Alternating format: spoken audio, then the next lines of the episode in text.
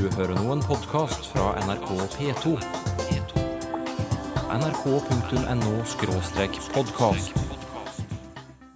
Bergen var tospråklig i flere hundre år. Hanseatene snakket tysk, bergenserne norsk, og de forsto hverandre. så tilpasset jo de språket til hverandre. Så det er masse norske lånord i de tyske kildene, og det er masse tyske lånord i de norske kildene. Og hvorfor ikke slå et slag for den stakkars lyden H? Ja, for å være helt ærlig, du, en H er ikke rare greiene. Du, Sylfest Lommen, hva er det egentlig du driver med på jobben din? Å starve. Å, hva er det for noe? Skikkelig fysisk slit og træling. Oi! Men når du har fri, da? Hva liker du å gjøre da? Være ute og gjøre heltemodige ting. Jaha, du.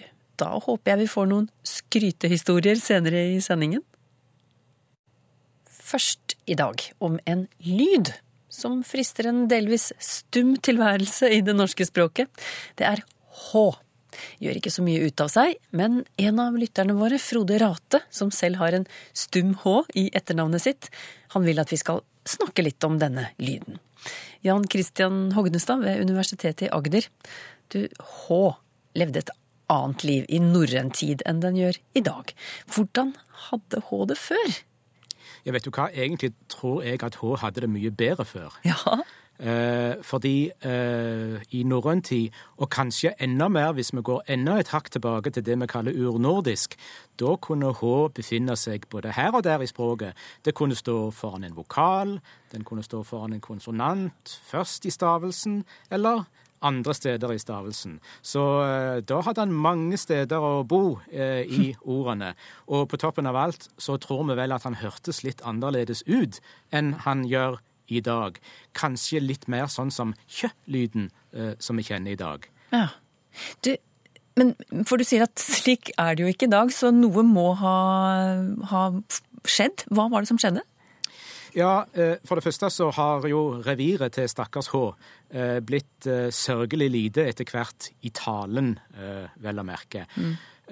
For etter hvert så falt han vekk når han sto foran en konsonant. På gammelnorsk, for eksempel, så kunne en skrive et ord H, J, O, L, og det betyr jul, altså som på kjerra. Ja, Mens hvis du skriver det uten H-en, altså bare J-O-L, så er det høgtida jul. Ja. Og de to der de ble uttalt forskjellig på gammelnorsk. Mens vi sier jo jul og jul til begge to, men i skrift henger jo gamle, gode H-en igjen. Så der har H greid å beholde litt av det gamle reviret sitt. Men i tale er det sørgelige greier. Ja et eksempel på hvor sørgelig det har blitt. Ja, eh, ikke sant. Hvis en tar de vanlige spørreordene som hva og hvor og hvorfor, som jo er veldig frekvente, vi bruker de veldig ofte i språket, eh, så henger jo H-en igjen i eh, skrift, mens i tale har han enten forsvunnet, eller som i min dialekt eksempel, falt sammen med K og blitt til K og hvorfor og hvor. Eh, og det har nynorsk òg plukka opp og skriver hva og kvifor og hvar, som Ja, vi vet. ja. Så hvordan er det med H-ens liv og virke i dag, da, i eh, moderne norsk tale? Ja, for å være helt ærlig, du. En H er ikke rare greiene. Eh, den er i grunnen et lite pust i strupen, og det er det. Det fins faktisk noen knallharde fonetikere som sier at H er egentlig ikke en konsonant i det hele tatt. Det er snarere en ustemt vokal. Ja, Hvordan kan de mene det, egentlig? Jo, hvis du ser nettopp på det jeg sa om hva eh, revir H-en vår eh, har.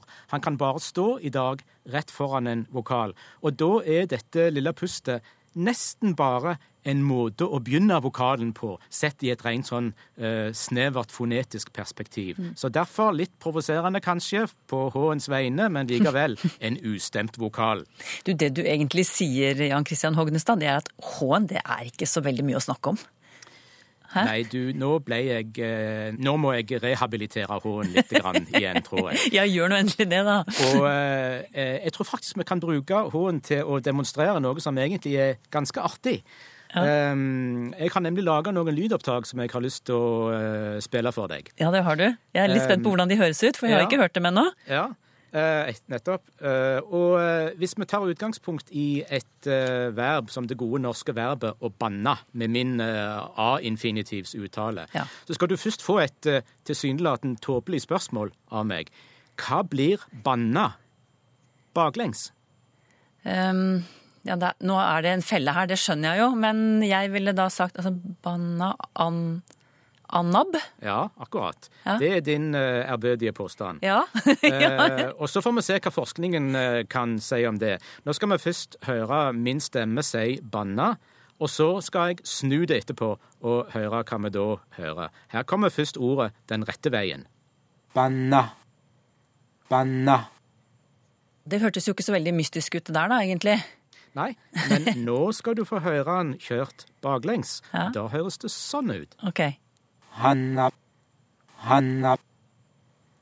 Uh, kan vi ta det en gang til? Kan vi spille den av Ja. en gang til? Ja. For den, det der var noe Det var litt rart, Det rett og slett. Ja, ikke sant? Vi hører det en gang til. Her kommer den igjen. Hanna. Du, vet du hva? Det hørtes ut som du sa Hanna. Ja, ikke sant? Men hvordan forklarer du det? Hanna, det er jo Ja. Eh, det er altså dukka opp en spøkelseslyd, en spøkelses-H. Så nå begynner jo H-en å, å eh, komme seg her. Eh, forklaringen er jo rett og slett at når jeg sier 'banna' og slutter ordet med den flotte A-vokalen min, så slutter jeg ordet ved å så å si skru av lyden på A-en, og så fortsetter bare utpustet mitt Ja. grann videre. Og hva er det utpustet? Jo, det er jo ingenting annet enn en moderne H. Eh, og så er det sånn at i moderne norsk, sa jeg tidligere, så kan H bare stå i begynnelsen av stavelsen foran vokal, og ikke på slutten av stavelsen. Og i og med at den ikke kan stå på slutten, så vil du heller som lytter ikke etterspørre noen H eller noen språklyd i det hele tatt, dersom pustet mitt er. Og derfor så ignorerer du det bare suverent. Men når jeg, når jeg snur eh, banna bak fram, så havner pustet mitt i en posisjon der det faktisk kan stå en H på norsk. Og da tenker vi alle med en gang ah, det var jo en H, for da er pustet plutselig blitt språklig gjort. Og da blir banna til Hanna. Det der syns jeg var Kan du ikke si banna en gang til, bare sånn her og nå? Jo, banna. Vet du, Så det er mine fordommer, på en måte, eller mine fastlåste ja. tanker på et vis som gjør at jeg ikke hører den H-en. For nå hørte jeg den tydelig, når, når du hadde, i og med at du hadde pekt på det. ja, ja.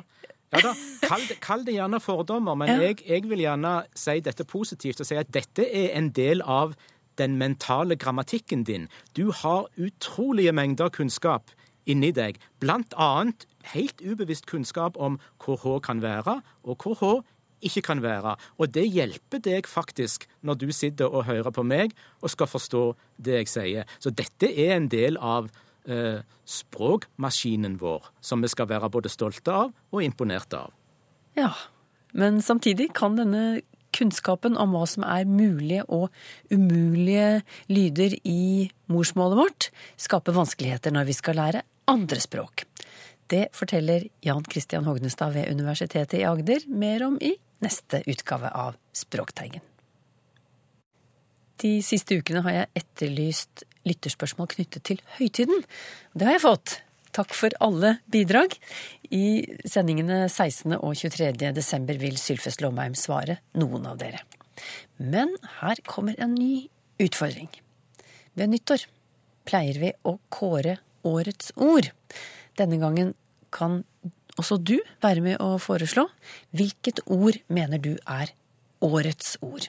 Det kan være en nyskapning eller et kjent ord som har spilt en spesiell rolle i 2012. Noen av forslagene blir belønnet med krus eller T-skjorte, så husk adresse og eventuelt størrelse. Skriv til Språkteigen, krøllalfa, nrk.no, eller Språkteigen, NRK P2 7005 Trondheim. Vi kårer årets ord i den siste sendingen vår i 2012. Renessanse for nedertysk i Tyskland. Det hørte du om her i Språkteigen for en uke siden. Dette språket, som ligger nærmere norsk enn standard høytysk, det var hanseatenes språk. Og derfor ble det snakket bl.a. i Hansabyen Bergen i flere hundre år. Nordmenn og hanseater forsto hverandre.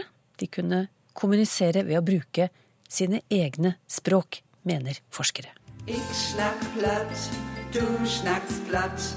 Kinder snackt nur wieder platt. Plattysk eller nedertysk har sin renessanse i Nord-Tyskland. Alle snackt wie platt.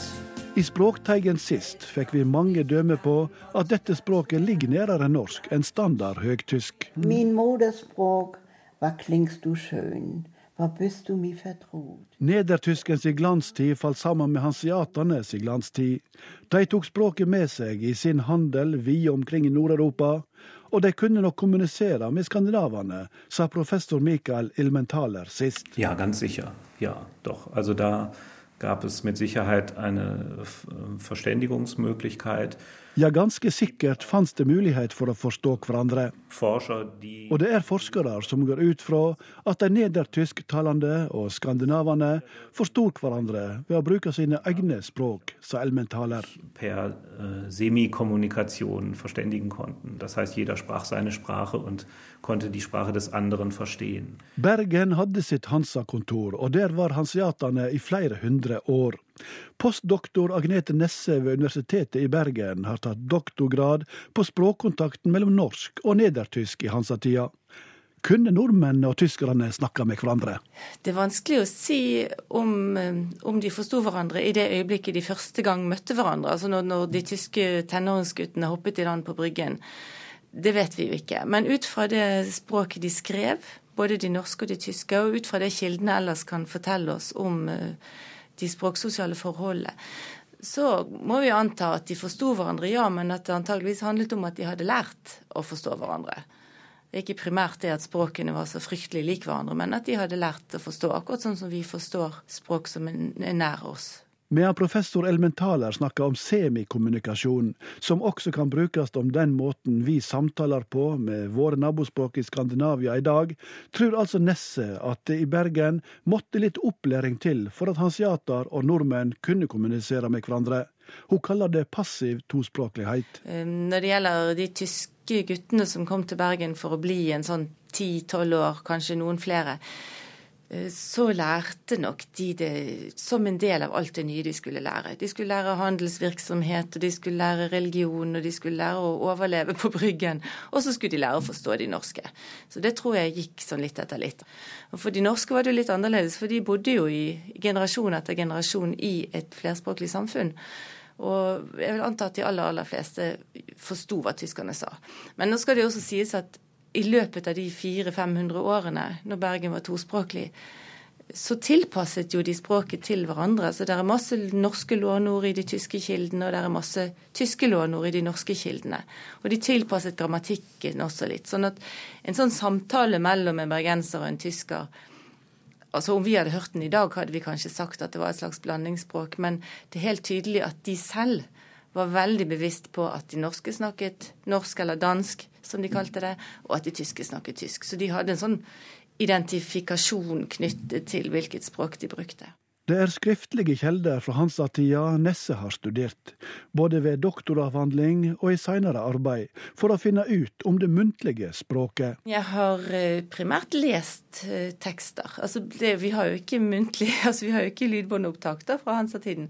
Så jeg har lest eh, håndskrifter som ligger rundt omkring. En god del ligger i arkivene her i Bergen, i Byarkivet og på Universitetsbiblioteket. Og så ligger det en del i København, og så ligger det en del i Lybekk. Og materialet tyder altså på at den muntlige kommunikasjonen har gått bra mellom befolkningsgruppene. Og materialet tyder også på at de forsto hverandre skriftlig, for det er stort sett gjennomgående at de norske skriver norsk-dansk og de tyske tysk, for eksempel når de skrev brev til hverandre. Når de skrev til hverandre, så sier det var en brevveksling innad i Bergen.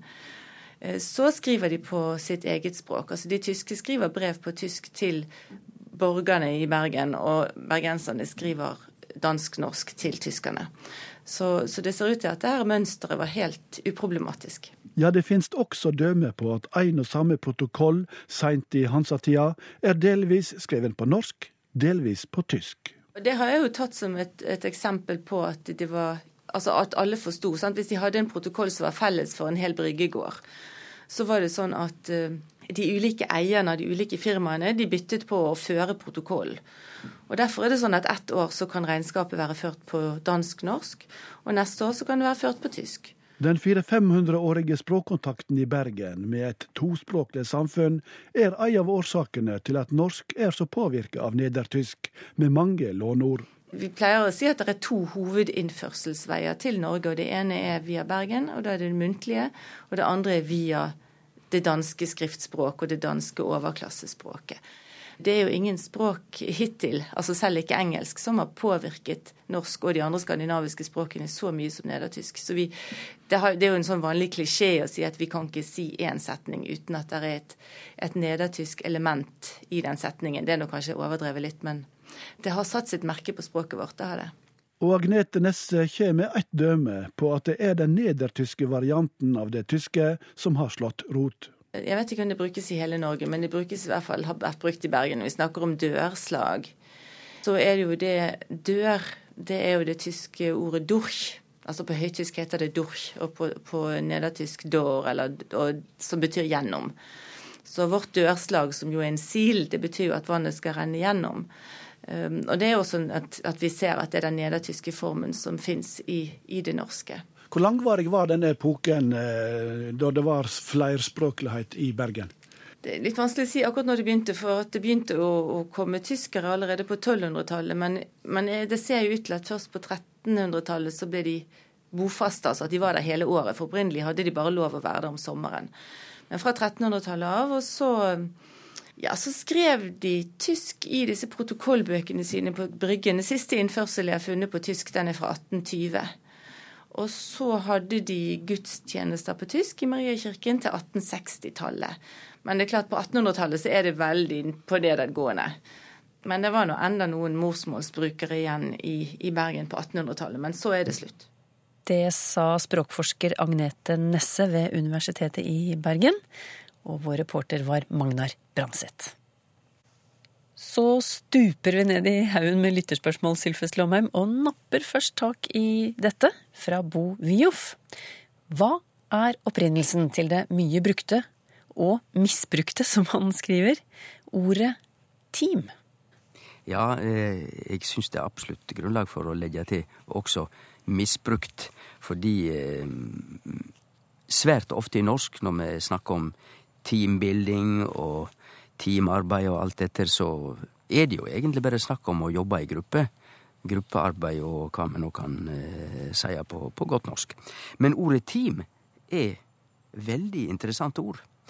Eh, det er veldig gammelt i engelsk, og til og med slik at vi har det i, i norsk, fordi det ser ut til at ordet team går attende til eh, til bl.a. blant annet tospann i, i trekkdyr.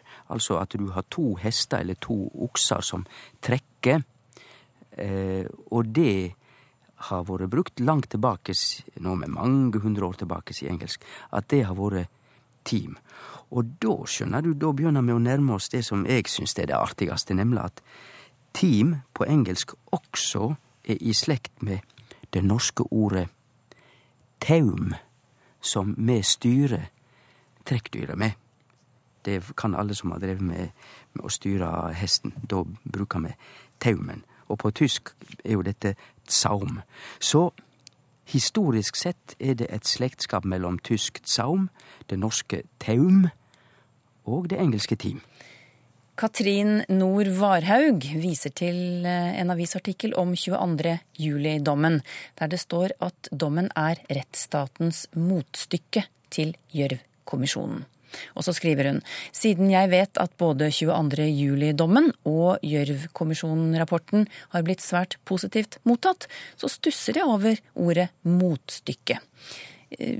Jeg ville tro at motstykket betyr det motsatte av, men det er jo ikke meningen i denne overskriften. Hun eh, forteller at hun heller ville valgt ordet sidestykke. Og så spør hun også og hva med motsats? Så hun ønsker altså Sylfest at vi oppklarer forskjellene mellom ordene motstykke, motsats og sidestykke. Det er litt av ei oppgave. Ja. vi får starta. Når det gjelder motsats, så er det veldig fort å ekspedere det ordet, for motsats tyder motsetning, altså det som er tvert imot noe annet. Motsetning, altså kontrast. Når det gjelder sidestykke, så kan vi jo sjå for oss et stykke som er sett opp ved sida av et annet stykke, altså parallelt. Så det er da ikke snakk om noe, noe motsetning, men noe som står ved sida av, altså parallellstykke, et sidestykke til. Så kjem vi til det uttrykket som Katrin Nord Varhaug hadde sett i avisa, og som hun lurte på, for der hadde det stått et motstykke om Gjørv-kommisjonen. Hun var i stuss om hva det tyder. Og bokmålsordboka ser ut til å føre opp både meininga av motstykket som det som eh, er det motsette av noe, men også det som er passer til, altså nærmest sidestykket til. At det er det som passer til noe annet, et motstykke til. Jeg vil jo etter min språkbruk si at motstykket betyr det siste jeg nettopp sa. Altså ikke kontrast, men noe som svarer til.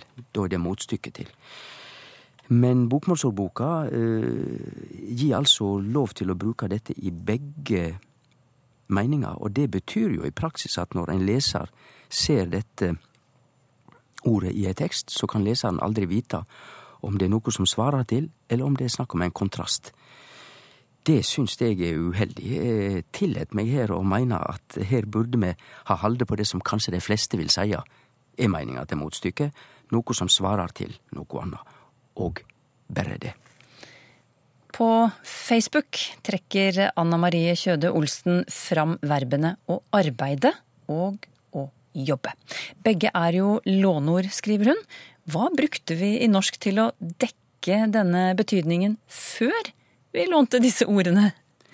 Da brukte vi, og da må vi altså attende til gammelnorsk tid, det vanlige verbet var å starva. Et heilt annet ord. Og det var ikke kanskje bare arbeid i vår moderne forstand. Grunntydinga der var veldig mykje skikkelig fysisk slit og træling. Så trælane i gammelnorsk tid, de starva. En fri mann og en viking, han skulle helst ikke drive med slikt. Han skulle være ute og gjøre heltemodige ting. Så hvis vi tek dette veldig enkelt og summarisk Norrøn språk rundt årtusen og starva. Det var arbeidet. Og så tek vi norsk språk i mellomalderen, lat oss seie rundt 1400. Da hadde det tyske ordet arbeida kommet inn i Hansabyen Bergen, så da, rundt 1400, var arbeida et ord i norsk. Og på slutten av 1900-tallet så er det engelsk jobb og jobbe. Det har kommet inn nå i nyere tid. Da har vi de tre fasene i ord for, for arbeid. Og så har jo selvsagt alle disse tre orda visse nyanser seg imellom som eh, gjør at de opphavlig ikke tyder helt det samme, men det får vi, det får vi holde litt utafor. Jeg kunne kanskje nevne òg at i, i gammelnorsk tid så hadde de et annet ord, et verb, å sysle, og det har overlevd til moderne tid. Fordi at å sysle bruker vi stadig vekk i våre dager om å ordne noe og skaffe til vege, altså. Og er du Hvis ikke du har noe å sysle med, så har du ikke noe å drive med. Og vi har til og med tatt vare på det som embetstittel på den øverste norske embetspersonen på Svalbard. Vedkommende, om det er hun eller han, så heiter vedkommende Sysselmannen på Svalbard. Jeg burde vel òg legge til at på islandsk den dag i dag så snakker de om å starve. Britt Linn Gjellum undres veldig over uttrykket 'litt av ett'. Hun skriver hvis noen ser på Galdhøpiggen og sier 'det var litt av et fjell', da lurer jeg på hvor er resten? Ja, og det var litt av ei dame. Hvor er resten? Ja. Nei, men jeg syns det er et veldig artig spørsmål, og jeg har egentlig ikke noe annet svar enn at vi uttrykker oss slik på norsk. Det var litt av et, og da mener vi at det var virkelig skikkelig fjell, altså. Og litt av ei dame, da er det ei skikkelig dame vi snakker om. Det som jeg syns er artig, er Jeg har tenkt litt på andre språk.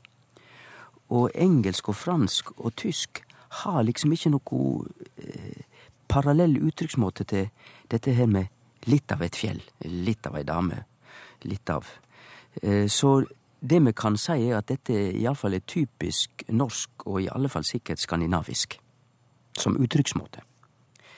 Så vi kan vel si at dette henger sammen med vår tradisjon for å være underdrivende, altså understatement. På Facebook skriver Øyvind Bensen et ord jeg synes er merkelig, er nettopp ordet merkelig. Hvor kommer det fra, og hva skiller det fra ordet merkverdig? Ja, spesielt det siste, fordi det ser ut til, og vi hører det òg av og til, at folk blander sammen merkverdig og merkelig, og det bør vi jo ikke gjøre. Men begge disse orda er jo eh, danna på basis av et verb som vi alle kjenner, nemlig å merke. Når vi merker noe, så kjenner vi noe. Så merker tyder å kjenne. Og merkelig, det betyr noe som er rart å sjå. Altså pussig. Men merkverdig, det er noe som er verdt å merke seg. Altså noe som er verdt å legge merke til. Med andre ord ei heilt anna tying. Språkteigen er slutt for i dag. Neste uke kan du annet bli med på språkkafé for innvandrere. Jeg kommer fra Polen, og så nå holder jeg på å lære meg litt eh, mer norsk. Og, Så bra. Ja, jeg syns det er veldig bra. Vet du. Jeg får eh, masse norske uttrykk. og Hva, hva har du lært nå? Akkurat nå? fullbaluba. Hør mer i Språkteigen om en uke.